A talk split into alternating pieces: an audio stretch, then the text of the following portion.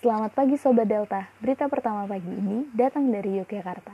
Aksi Jogja memanggil yang menjadi sikap protes mahasiswa dan buruh terhadap pengesahan RUU Cipta Kerja oleh DPR Kamis lalu berujung ricuh.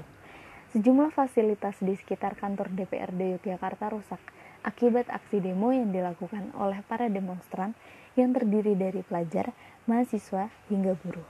Kerusakan mulai dari tembok yang dicoret, toko dan mobil polisi yang dirusak, hingga kafe Legian yang hancur terbakar oleh massa. Adanya kejadian tersebut membuat polisi secara terpaksa menembakkan gas air mata ke arah massa. Untuk menghindari kericuan yang semakin besar, polisi juga mulai membubarkan massa dari kawasan Malioboro, Yogyakarta.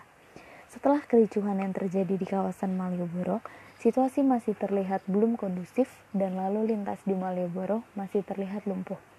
Menanggapi hal ini, Gubernur Yogyakarta Sri Sultan Hamengkubuwono X mengatakan untuk tidak bersikap anarkis dan memaksakan kehendak dalam menyikapi RUU Cipta Kerja.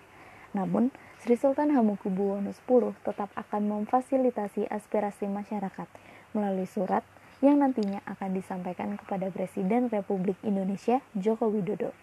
Sekian Sobat Delta, berita terkini dari Yogyakarta.